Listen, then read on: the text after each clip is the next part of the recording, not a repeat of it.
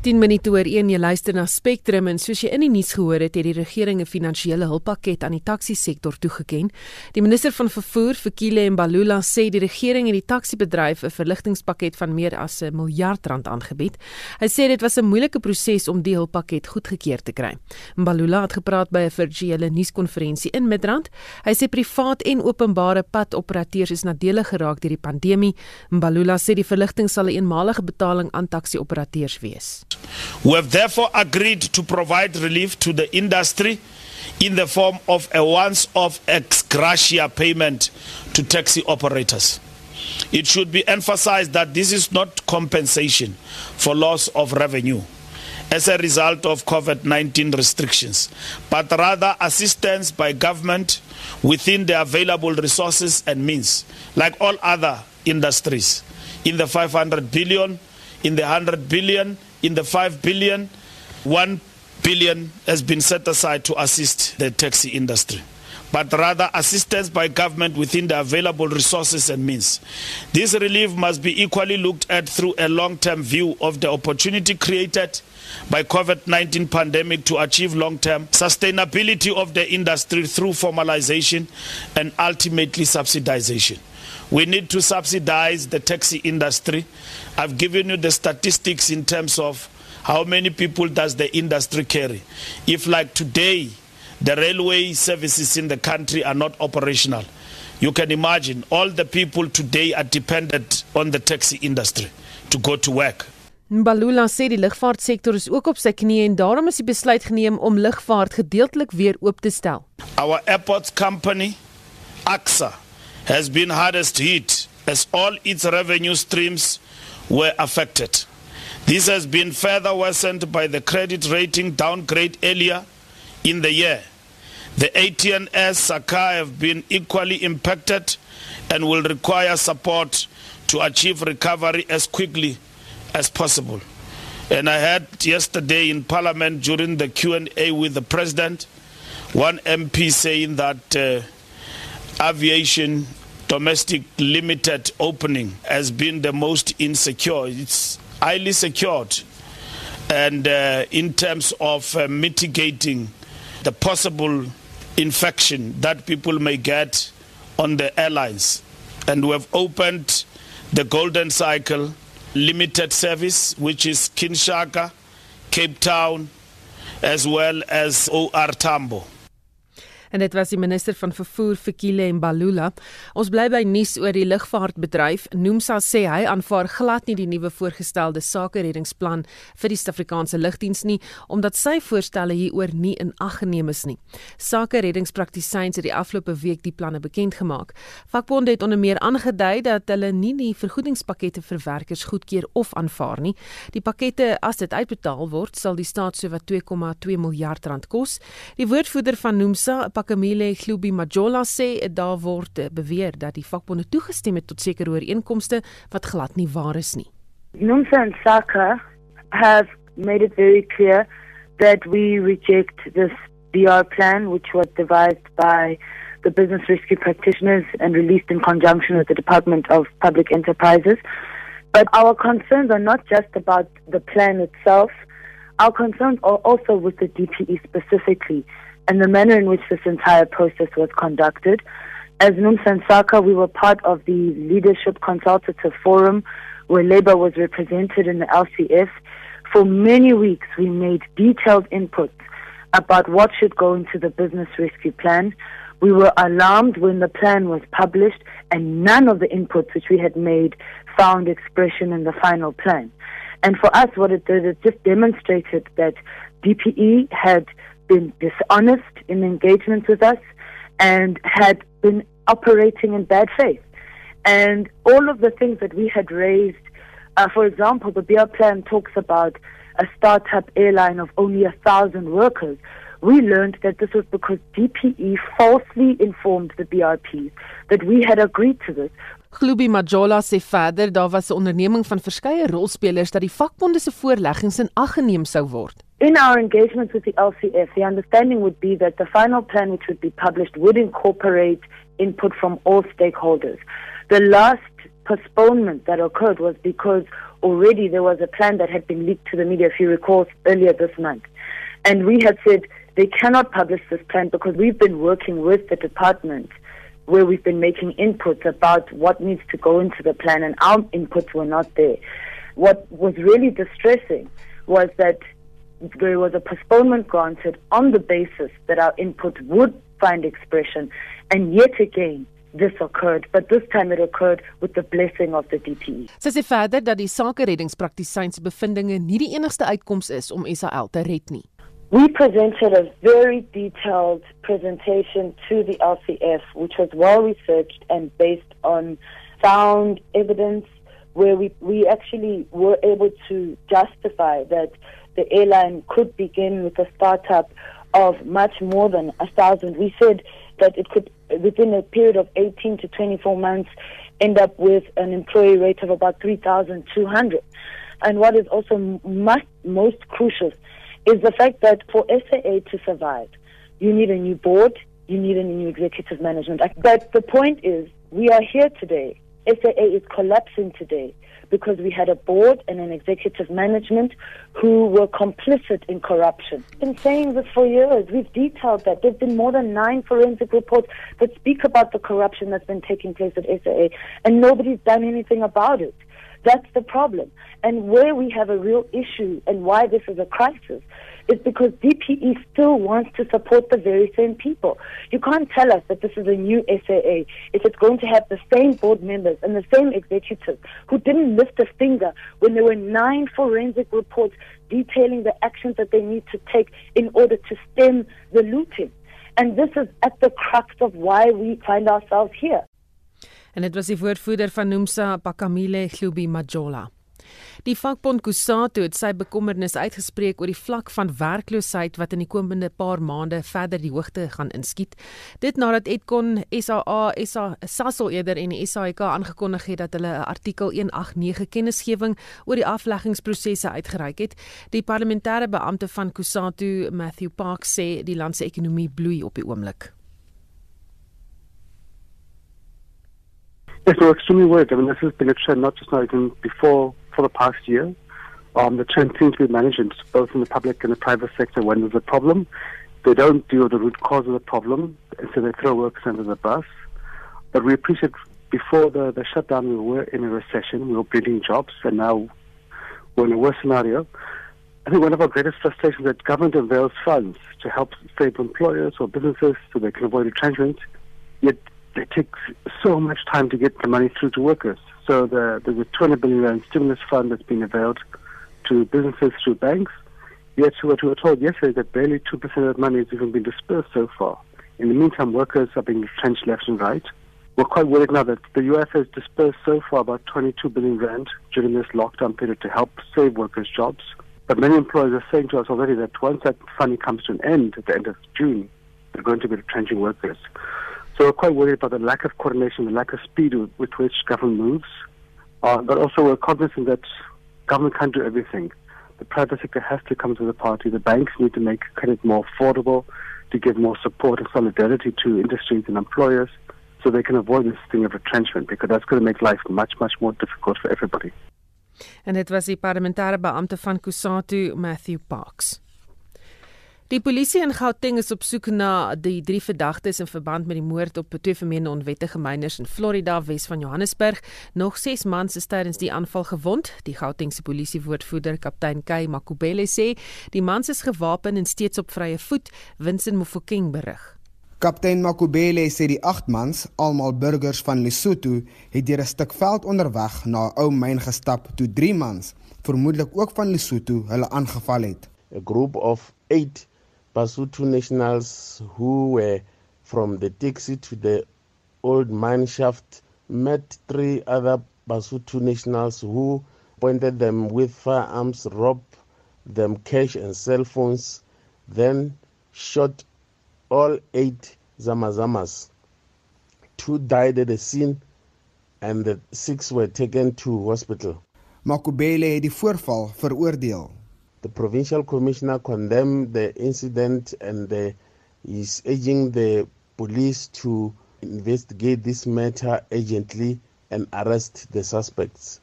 He further also urged the community to continue and work with the police so that we can bring the perpetrators to book. Makubele sê die polisie in Gauteng het intussen met 'n soektog begin na die moordenaar van 'n 3-jarige kleuter wie se liggaam by Orange Farm suid van Johannesburg gevind is. Police are still calling for anyone who might have the information of how the incident happened of the killing of a 3 years old girl in Orange Farm extension 5 Lakeview. The police haven't arrested anybody yet and we are urging anyone who might have information to phone the nearest police station. Dit was die Gautengse polisie woordvoerder, kaptein K Makubele. Ek is Vincent Mofokeng vir SAI Garnis.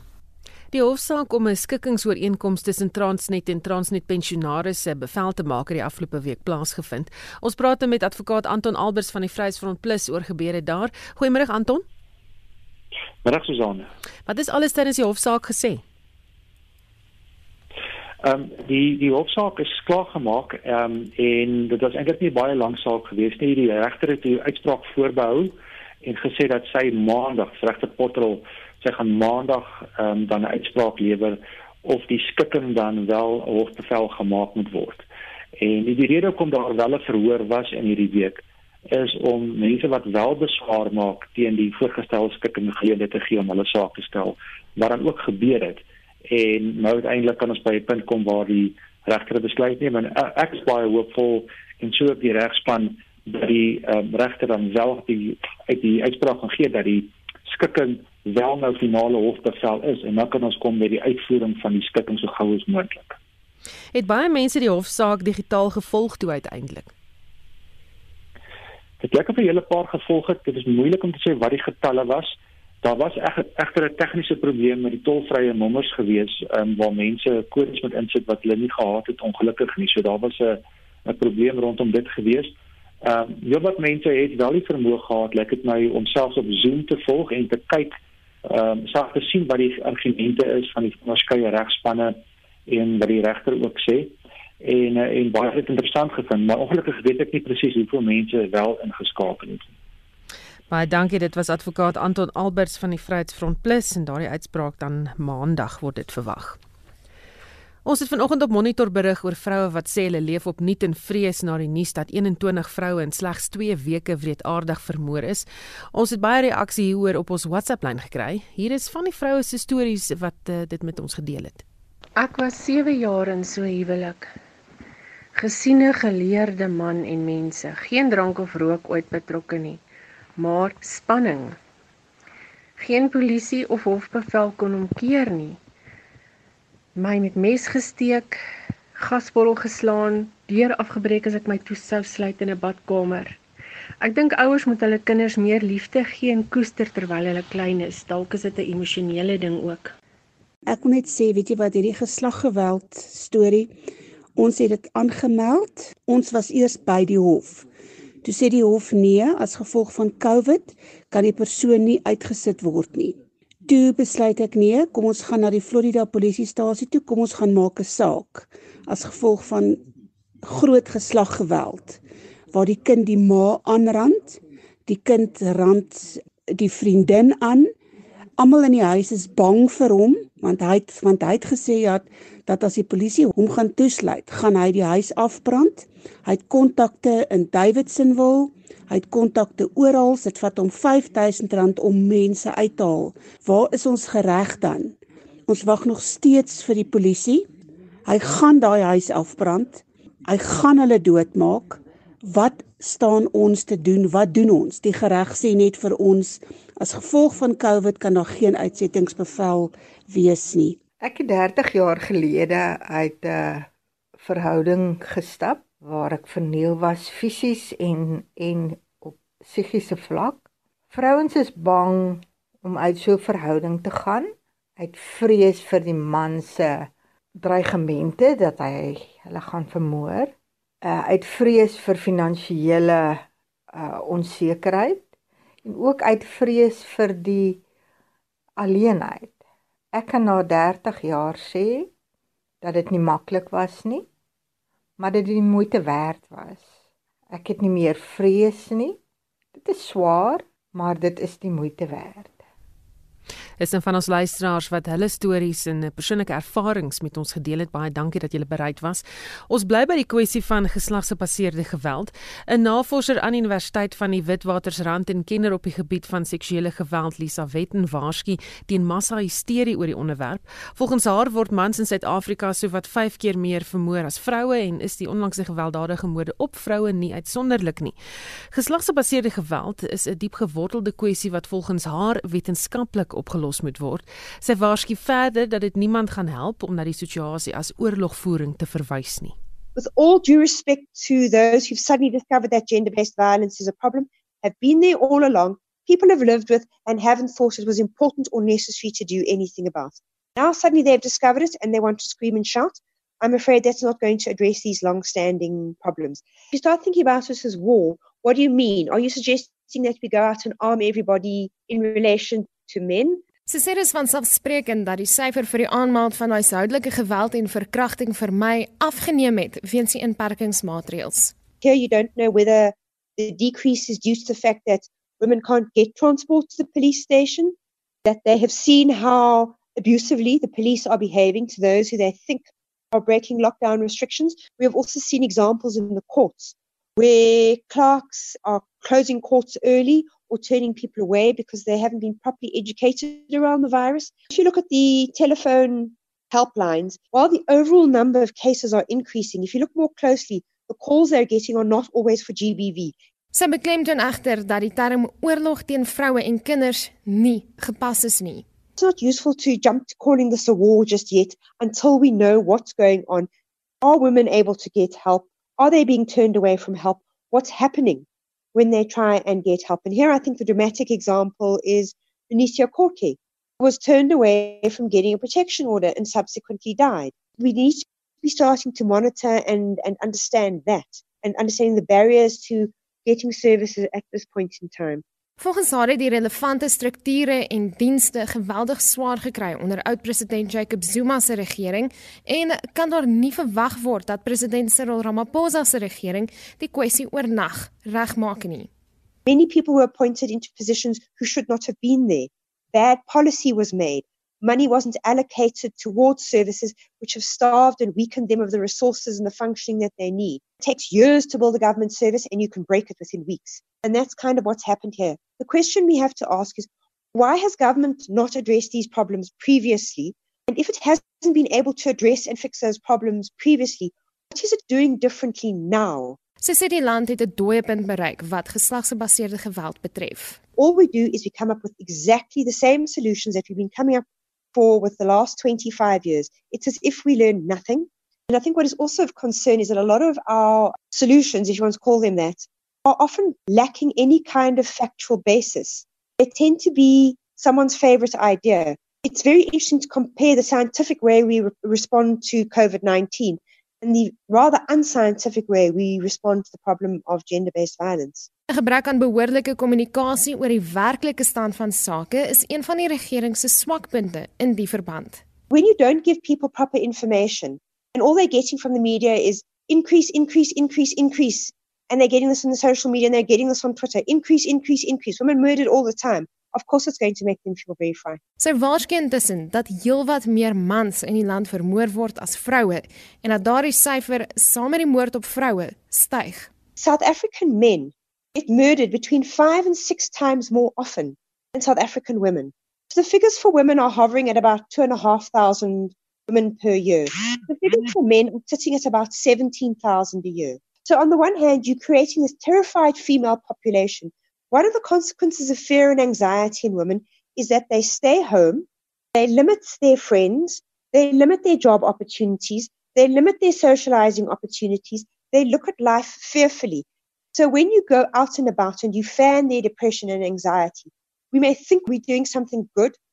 Actually, I think we're making life a bit more difficult for women. Dit was Lisa Wetten, 'n navorser wat spesialiseer op die gebied van geslagsgebaseerde geweld aan die Universiteit van die Witwatersrand. Ek's Marlene Forsie vir SAK nuus.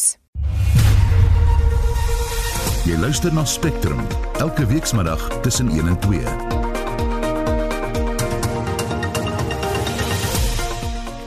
Dit is presies half 2 en in die nuus inwoners van Soweto is woedend omdat Eskom hulle straf oor wanbetaling. Die Kaapstad Metro se biodiversiteitsafdeling maak goeie vordering met die rehabilitasie van die Klein Dassenberg beskermde gebied. Boere in die Ooskaap befonds 'n COVID-eenheid in patensie. Daarvolgens het ons besluit ons gaan die isolasie eenheid begin. Ek moet net so sê dit is soos patensie hankie loerie almal in die hele area het bymekaar gekom en hierdie besluit geneem en almal het hulle deel gedoen. In Kenia is amptelik deur VN lidlande verkies as Suid-Afrika se opvolger as nie permanente lid van die VN Veiligheidsraad bly ingeskakel. 1332 jy luister na Spectrum inwoners van Soweto is woedend omdat Eskom beplande roterende kragonderbrekings in die gebied toepas weens wanbetaling en onwettige elektrisiteitsverbindings. Inwoners daar skuld Eskom sowat 20 miljard rand in agterstallige betalings. Eskom sê die beerkrag word toegepas om sy infrastruktuur te beskerm. Die kragrees sê die onwettige kragverbindings veroorsaak jaarliks skade van meer as 'n miljard rand. Die Groter Johannesburg Behuisingskrisis se Sef Masibuku sê Eskom se tydsberekening spanning is verdag. Well, angry yes, I am and even more than angry, mainly because of particularly the timing of cutting off power for people. Uh, uh, the timing, it, it, it's becoming a very punitive measure of ESCOM in trying to collect you know, as much as they can for their own maladministration. Let us just start here. Masibuku sê die gemeenskap in Soweto probeer lankal reeds die probleem oplos in samewerking met Eskom. Maar dit wil vir hulle voorkom of Eskom nie belangstel om 'n oplossing te vind nie. Let's not forget that now Eskom issue is not a yesterday's issue. It is an issue that we people of Soweto engaged with Eskom and believe you me, I'm just in front of me. I have minutes of ESCOM with us dated 20th of February 2016. Where are we now?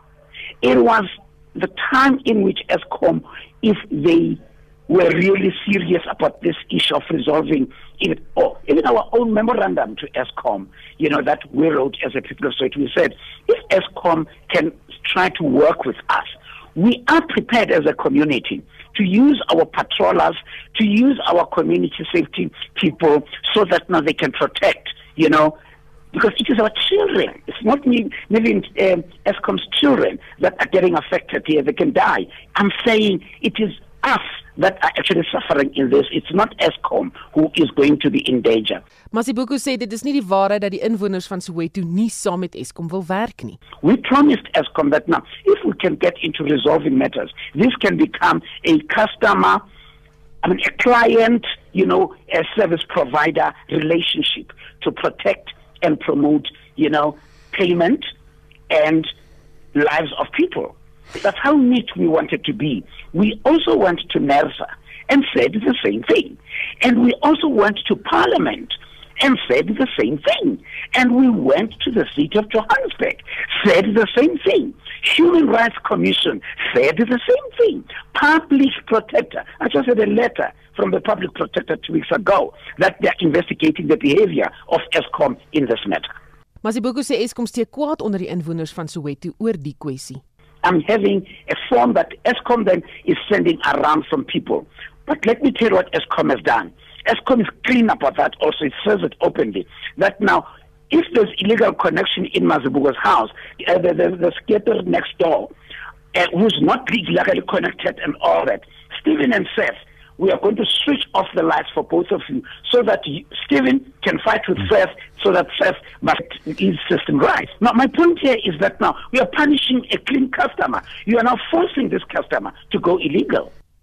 En dit was die Groot Johannesburg Behuisingskrisieskomitee se Sef Masibuku. Die stigter van Texas of Tax Justice Suid-Afrika, Joseph Abramji, het onlangs gesê die ekonomie verloor minstens 35 miljoen rand per dag weens die verbod op die verkoop van tabakprodukte. Die stelling het onder die navorsingsorganisasie Africa Check se vergrootglas beland, maar Lenay Forsie het meer besonderhede. Die navorser in die verband, Keegan Leach, het aan ons verduidelik hoe hulle te werk gegaan het. Ons het vir Joseph Abramji gevra watter inligting hy het gebruik dan kon ons sien of sy wiskunde korrek was. Ons het ook die nuutste data van SARS geëksamineer om te sien as dit stem saam met die skatting. Ons het die belasting van April van hierdie jaar vergelyk met dieselfde maand in 2019. Want dit is wat Abramji gedoen het. Ons het die gemiddelde belasting bereken wat elke dag in 2019 betaal was. Deur die metode te volg is die volgende uitkoms bereik.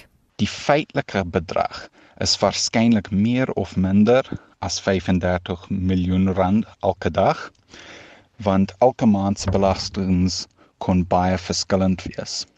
In die eerste weke en maande van die voorboot was die bedrag waarskynlik minder as 35 miljoen want mense het sigarette gekoop om voor te berei en maatskappye was besig om belastings van Maart en Februarie te betaal.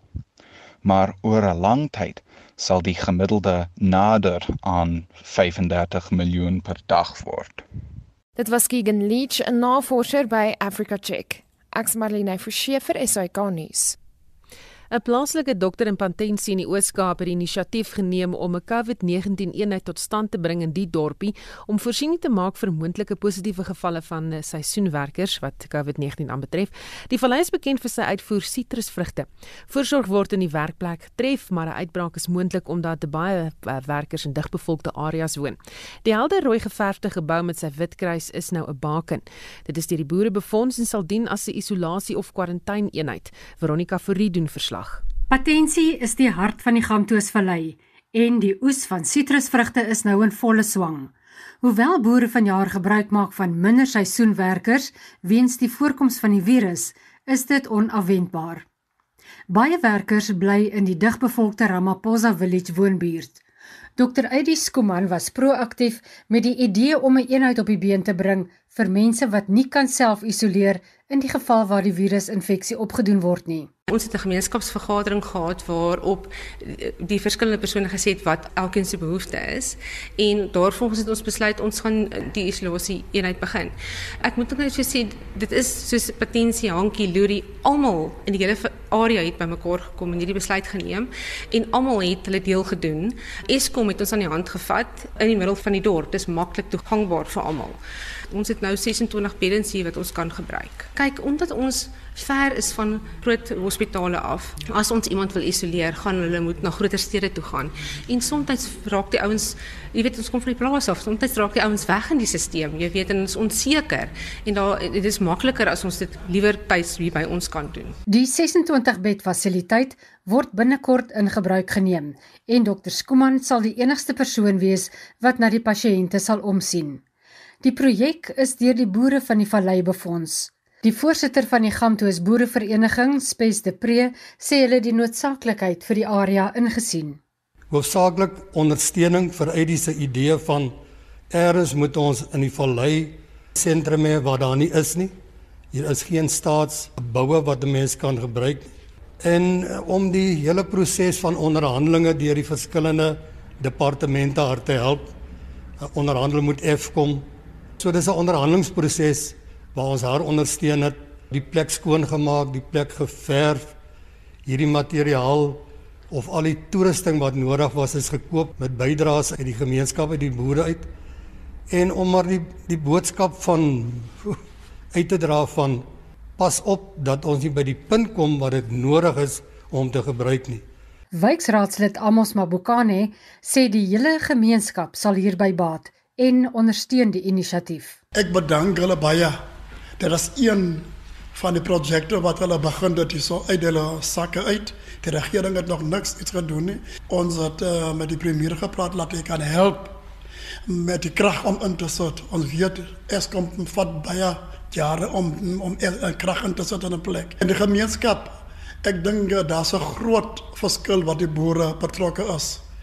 Die boere doen alles Hulle gee kos, hulle gee groente, hulle gee enige ding. Die boere is baie betrokke. Ek wil nou nie hulle mooi maak nie, maar ek het op rekord het ek als dat hoeveel kos het die boere gegee voor die COVID. Hulle het meer as duisende kospakkies gegee. Ja, ek is baie dankbaar. Baie dankie.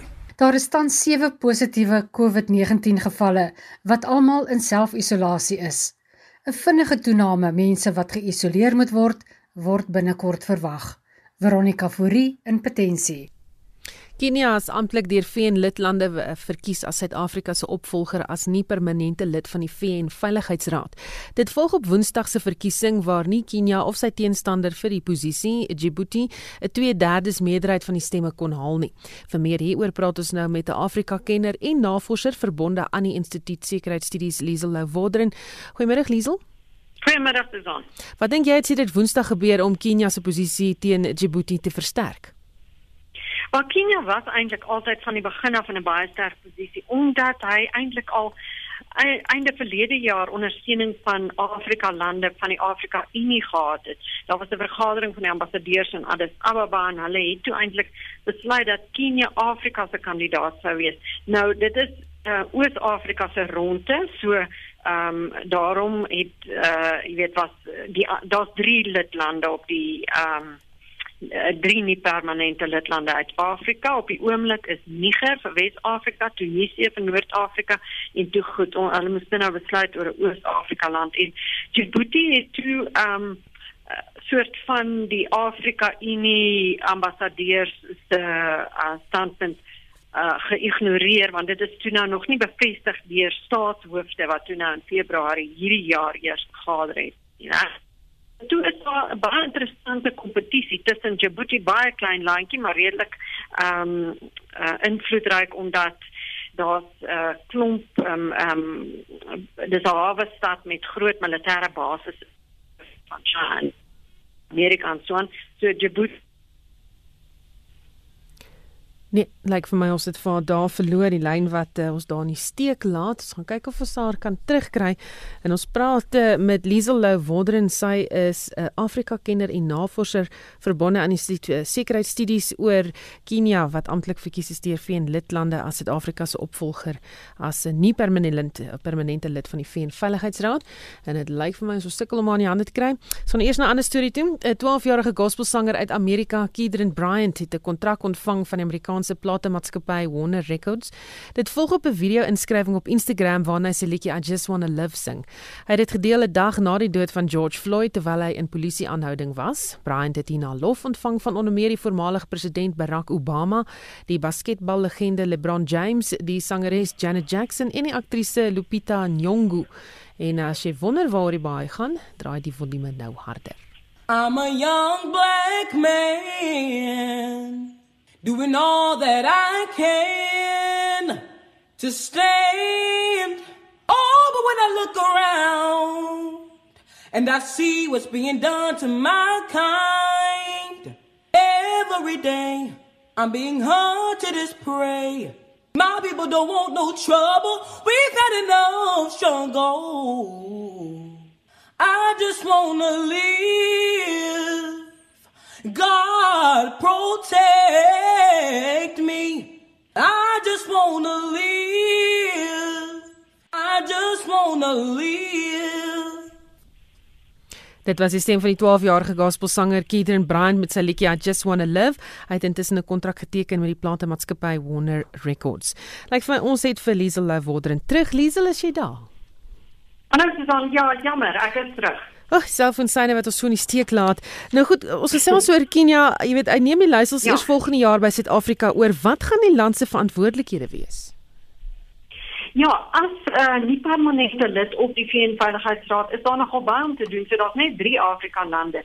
In die oorgrootste meerderheid van kwessies waaroor die veiligheidsraad eintlik um, moet besluit uh, is in Afrika omdat um, VN-veiligheidsoperasies regoor Afrika is en uh, die Sahel lande en Mali uh, ensovoorts in in uh, Suid-Sudan en Somalië is daar oralste um vredestroepe wat dan nou um jy weet kwessies wat bespreek word krisisse wat deur die VN bespreek word die die um die RK byvoorbeeld is een. En ons uh, die VN vind homself in 'n baie uh, moeilike konteks eintlik op die oomblik waar aan die een kant het jy Amerika wat een van die grootste uh, lande is wat geld gee vir VN vredesoperasies wat al hoe meer ehm um, wil hierdie vredesoperasies sluit of kleiner maak, minder geld gee. Ehm um, en dit is al amper 'n bedreiging ehm uh, vir die so noem die multilaterale stelsel waar jy ehm um, 'n uh, organisasie soos die VN wat oorskry kwessies uh, besluit. So ehm um, Kenia sal op al daai verskillende uh, kwessies dan moet stem saam met soos ek sê die twee ander lidlande. So Suid-Afrika sal dan nou um, van volgende jaar af nou sy 2 jaar eindig, maar so dit dan sal dit nou Kenia wees en die en Tunesië en Niger, maar dan sal dan nou twee ander lande van ander streke van Afrika die jaar daarna oorneem. Ehm um, so dit is 'n baie belangrike rol om te speel en Suid-Afrika sal natuurlik graag wil sien dat Kenia voortsit wat Suid-Afrika uh, se um, 'n rol wat Suid-Afrika gespeel het. En een van die goed wat ons uh, dink ek reg gekry het in die in die laaste tyd is om 'n meer soort van 'n een eensstemmige uh, Afrika stem in die VN te hê waar in die verlede was Afrika lande maar baie verdeeld onder mekaar um, wanneer hulle moes stem oor uh, 'n verskeie baie belangrike kwessies vir Afrika, maar die laaste tyd het ons meer eenheid eintlik gesien. Daar is slegs 3 setels vir Afrika lande op die VN Veiligheidsraad. Is dit tyd uh, vir meer nie? Ekskien? Ek sê daar is slegs 3 setels vir Afrika lande op die VN ja. Veiligheidsraad. Is dit nie tyd vir meer nie? ja, ehm um, miskien nie meer nie, maar daar's definitief tyd op soveel Afrika lande vir 'n permanente setel. Want dit is nou alles goed en wel ehm um, mense nou nie permanente setel, maar die vyf eh uh, uh, land permanente lede met 'n veto reg. Dis nou China, Rusland, Frankryk, Amerika, eh uh, Brittanje. Hulle natuurlik het by verre wil hulle ehm um, hulle swaai die scepter in die VN. So jy kan maar as nie permanente land jou ehm um, jy weet eh uh, uh, jou stem laat hoor en ook uh, jou posisie bekend maak ensovoorts. Ek sê nie dit speel geen rol nie, maar wanneer dit kom by belangrike kwessies soos of eh uh, jy weet die VN moet ehm um, militêr ingryp in Sirië byvoorbeeld, dan is dit die vyf groot lande wat uiteindelik besluit. Baie dankie. Dit was 'n Afrika-kenner en navorser verbonde aan die Instituut Sekuriteitsstudies, Liesel Lou Wodren. Gedurende die staat van inperking het die Kaapstad Metro se biodiversiteitsafdeling die kans gekry om die Klein Dassenberg beskermde gebied te rehabiliteer. Die erfenisgebied is net buite Atlantis geleë. Deel van die plan is om die tipe grond in die gebied aan te vul en die kwaliteit daarvan te verbeter op 'n baie interessante manier. En ons praat nou met die burgemeesterskomitee lid vir ruimtelike ontwikkeling en die omgewing, Mariaan Nieuwoud. Goeiemôre Mariaan. Goeiemôre Susan. Wat behels die rehabilitasieplan? Ek dink dit is eintlik 'n 'n mooi storie en dit is nou die spreekwoordelike randjie uh, rondom die donker wolk. Deel van die stad se bepla beplanning en bestuur om gereed te wees vir die gevolge van die uh die COVID-19 uh pandemie is dat ons moet uh dringend die begrafplase vergroot het en die fasiliteite gereed kry vir die verwagte uh, gevolge en uh verhoogde sterftesyfers. En ons het nou die geleentheid gehad om met die uitbreiding van die begrafplaas in Atlantis van die boergrond te verplaas na die Dassenberg uh bewaringsgebied. En daar was ongeveer so 496 uh lorry uh, of vragmotor uh, uh, wat ons grond wat ons kon skuif het na 'n uh, verwaarloosde stuk grond binne die Dassenberg uh, bewaringsgebied wat dan vir ons hierdie waardevolle uh, saadbedding gegee het wat ons kon verskuif het na die Dassenberg gebied waar ons reeds al 'n probleem het met uh, die bewaring van uh, spesies wat uh rooi data spesies. So dit is vir ons so 'n wonderlike geleentheid wat ons gehad het wat jy uit uit die ellende kon jy hoop skep en gaan jy hoop skep waar jy 'n saadbed kon uh versprei of uh herberg gee in 'n uh, bewaringsgebied. Ons is regtig baie opgewonde daaroor. Uh in hierdie uh, Atlantis gebied is daar reeds vorder nuwe reaksies sien en waar ons iets soos die harlekin slang weer opgemerk het wat uh, nou gedui met die uh, verspreiding en ons die herstel van die ekosisteem sien. So ek ek moet sê dit uh die nuus wat ons wil oordra is weet jy dat uit elke krisis is daar ook 'n uh iets positief. Daar's potensiaal vir herstel en die natuur reageer absoluut wonderlik daarop. Baie dankie. Dit was die burgemeesterskomitee lid vir ruimtelike ontwikkeling en die omgewing Mariaan Nieuwoud en sy is van die Kaapstad Metro. Speerders van die polisie eenheid teen korrupsie het drie polisiebeamptes in verband met korrupsie en diefstal gearresteer. Volgens die provinsiale polisiewoordvoerder Brigadier J Naiker het die verdagtes vlugtig in die Durbanse Landdroshof verskyn, Vincent Mofokeng berig. Drie KwaZulu-Natalse polisiebeamptes het gister in die Durbanse Landdroshof verskyn na 'n saak van korrupsie en diefstal teen hulle ondersoek is. Brigadier J Naiker, die provinsiale woordvoerder, sê die beamptes is van dieselfde polisiestasie waar hulle aangemeld is. Detectives from the anti-corruption unit arrested three police officers for corruption and theft. The suspects, aged between 32 and 43, appeared briefly in the Durban Magistrate Court yesterday. They were each granted bail of a thousand rand, and the court was remanded the matter to the 26th of August this year. The two sergeants and a constable are from the Sydenham police station. Their arrest follows a case of corruption and theft opened at the Sydenham police station. Na die klaar die saak by die Sydenham polisiestasie aangemeld het, het die polisie dadelik die saak na die provinsiale teenkorrupsie eenheid verwys. The complainant alleges that on the 23rd of May this year, the suspect went to her residence at Clear Road and accused her of selling alcohol. The suspect seized liquor valued at 24,000 rand from her premises. They also demanded and received 20,000 rand from the complainant for her release. When the complainant went to the Sydenham police station, she found that the suspects only handed in a few bottles of alcohol as abandoned and that they had not opened a case against her. Dit was brigadier J Naiker, die KwaZulu-Natalse polisie woordvoerder. Hy het dit verwelkom dat die klaar in hierdie saak na vore gekom het om die beweerde korrupte praktyk onder hul aandag te bring. Vincent Mofokeng, SAICanis. 'n Britse man dagvaar 'n vrou saam met wie hy op 'n afspraak was omdat hy 'n koorsblaar gekry het nadat sy hom gesoen het. Martin Conway beweer in hofstukke dat die vrou net bekend as Giovanna Lovelace vir hom 'n lewenslange virus gegee het. Hy sê hy is getraumatiseerd gelaat na die afspraak. Hy eis nou 'n uitbetaling van 136 000 pond van Lovelace.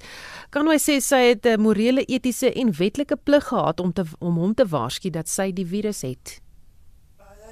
There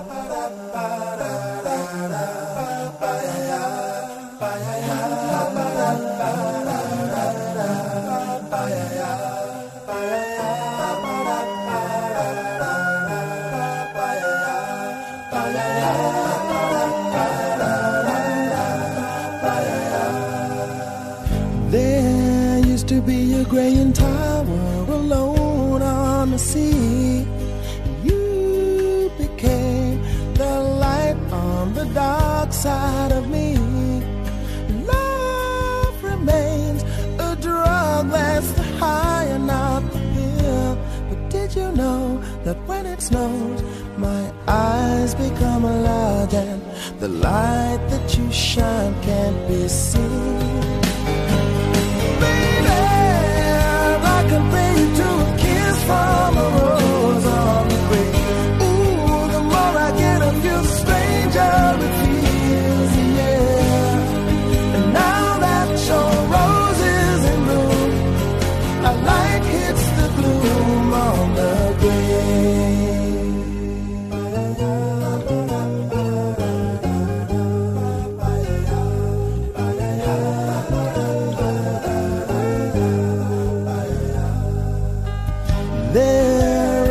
Much a man can tell you, so much he can say. You remain my power, my pleasure, my pain, baby. To me, you're like a grown addiction that I can't deny. Won't you tell me is that healthy, baby? But did you know that when it snows, my eyes become large and the light that you shine can't be seen? Baby, I can pay you to a kiss from a rose on the grave. Ooh, the more I get of you, the stranger it feels, yeah. Now that your rose is in bloom, a light hits the gloom on the grave.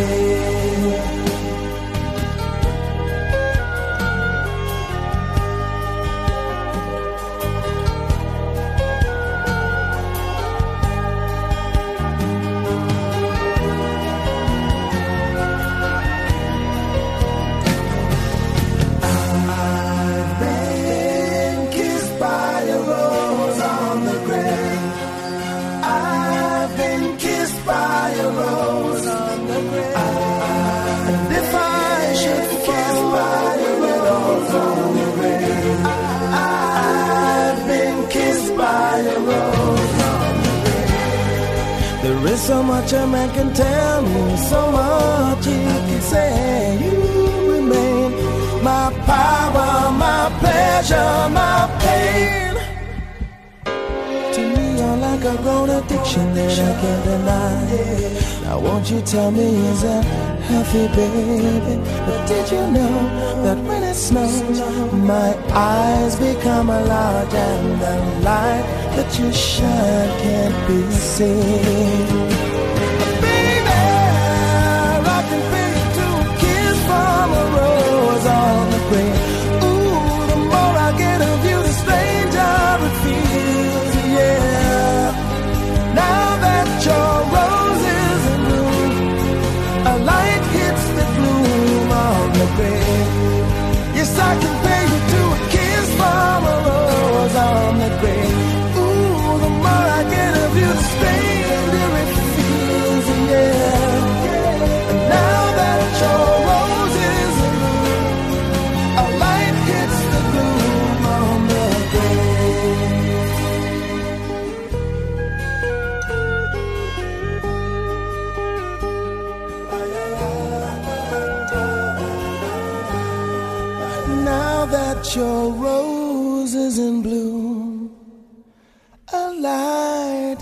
The gloom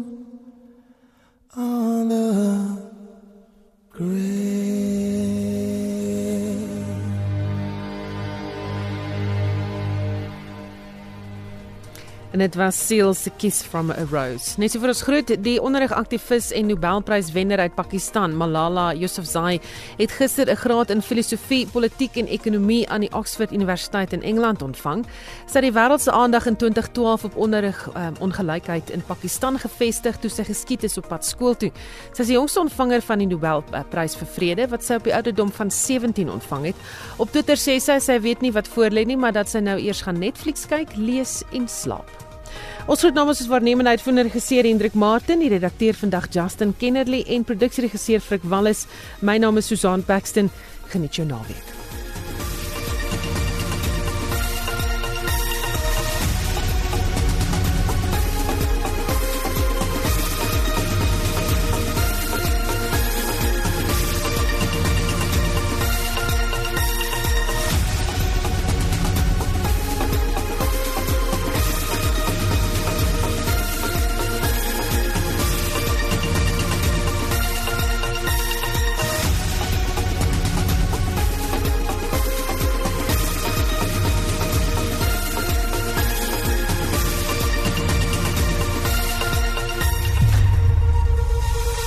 SAK nuus.